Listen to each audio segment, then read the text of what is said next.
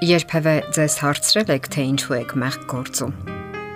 Յուրաքանչյուր մարդ հասնելով հասունության, անկասկած իրեն պետք է տա այդ հարցը։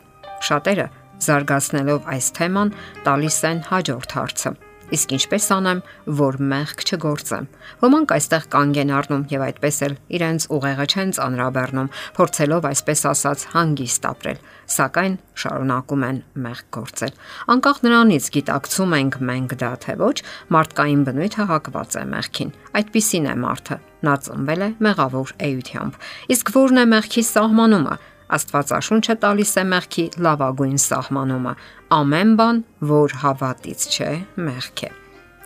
Ինչու է մարդը ստում, գողանում, անառակություն անում եւ այլ մեղքեր գործում։ Շատերն իհարկե ցանկանում են դադարեցնել, մեղք չգործել, սակայն չեն կարողանում, որովհետև պայքարում են ոչ թե մեղքի արմատի, այլ պտուղների դեմ։ Եթե ծառի արմատները վնասված են կամ հիվանդ են, ապա որքան էլ էտենք, դեղցանենք կամ կարգավորենք վնասված ճյուղերը, նա երբեք առողջ պտուղ չի տա եւ մի օր վերջնականապես կդադարի պտուղ բերելուց։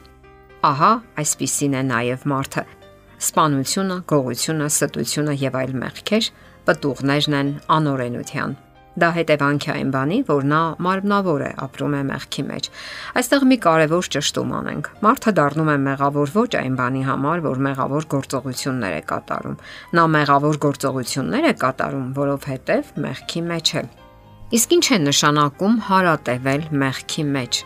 Այս հարցին պատասխանելու համար հիշենք, որ Քրիստոսն է մարդկային արդարությունը եւ նրա մեջ մենք դառնում ենք արդար Աստծո համար։ Մարդը դառնում է արդար այն ժամանակ, երբ Քրիստոսի մեջ է եւ մշտական սերտ փոխհարաբերություններ է պահպանում նրա հետ։ Իսկ ով է այդ դեպքում մեղավորը։ Տրամաբանությունը մեզ հուշում է, որ մեղավորը այն մարդն է, ով հեռու է Քրիստոսից, ով կապ չի պահպանում արդարության աղբյուրի հետ։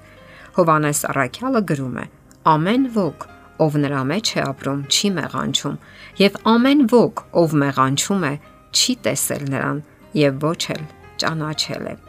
Այսպիսով Աստվածաշունչը մեզ սովորեցնում է, որ մարդը Աստծուց բաժանված է ծնվում։ Դրա պատճառը ադամական մեղքն է։ Ահա թե ինչու նա իր բնույթով ամենից առավել ցանկանում է առանձնանալ Աստծուց։ Մեղավոր կյանքը առանց Աստծո կյանքն է։ Այդ դեպքում մարդը մարմնի ստրուկն է դառնում, իսկ մարմնի պտուղները նրա կատարած բոլոր մեղավոր արարքներն են եւ սա է եղել դարեր ի վեր մարդ էակի ողբերգությունը նա ապրում է առանց Աստծո։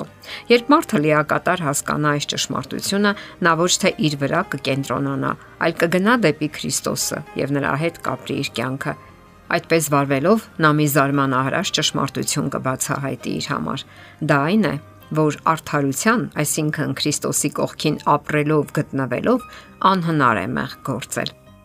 Մեղավոր գործերը, սխալ արարքները Քրիստոսի ներկայությամբ պարզապես հալվում ու անհետանում են, ինչպես գարնանային վերջին սառույցները բարկ արեգակի կենարար ճառագայթների ներքո։ Դա տեղի է ունենում սահուն, ինքնստինքյան, առանց ավելորդ լարվածության։ Եվ այսպես մեր ուղեղում անընդհատ մի հարց է ճառագում. ինչու ենք մենք մեղ գործում։ Պատճառը միանգամայն པարզ է, որովհետև բաժանվել ենք Քրիստոսից Հեռանալով արդարության արեգակից մենք չենք կարող արդար լինել։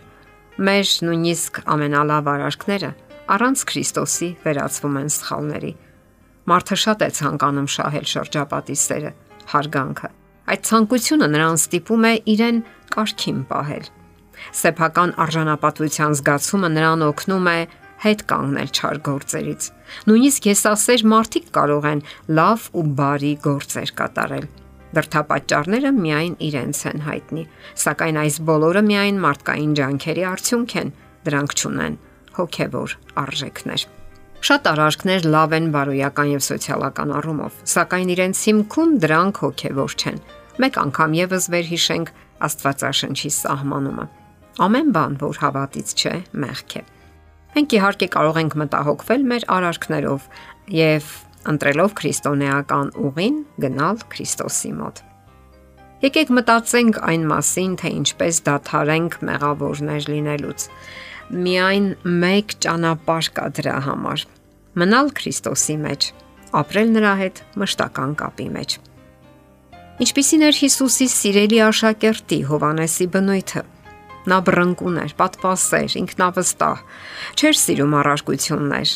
Սակայն ժամանակի ընթացքում շփվելով Հիսուսի հետ նա աստիճանաբար վերափոխվեց եւ սկսեց նմանվել իր ուսուցչին։ Նա սկսեց տեսնել իր անկատարությունները եւ դա խոնարեցրեց նրան։ Օրեցօր նա Հիսուսի մեջ տեսնում էր ուժ եւ համբերություն, քնքշություն, հեզություն ու մեծություն, որոնք հիացմունք եւ սեր էին առաջացնում նրա մեջ նա ավելի ու ավելի էր մղվում դեպի Քրիստոսը, ինչեւ որ Տիրոջ հանդեպ սերը նրա սրտից դուրս մղեց սեփական անձի հանդեպ սերը։ Նա թույլ տվեց, որ Աստված վերափոխի իր սիրտը, իր նեղած կոտ, ինքնասեր եւ եսասեր սիրտը։ Եվ նրա բնավորության մեջ իսկապես փոփոխություններ տեղի ունեցան, որովհետեւ եթե Հիսուսն ապրում է մարդու սրտում, նա լիովին փոխվում է Աստծո սերը փապկեցնում եւ հնազանդեցնում է սիրտը, մտքերն ու ցանկությունները ուղղում է դեպի Աստված։ Նա սկսում է նայել հավերժական եւ անանց արժեքներին, մնայուն արժեքներին,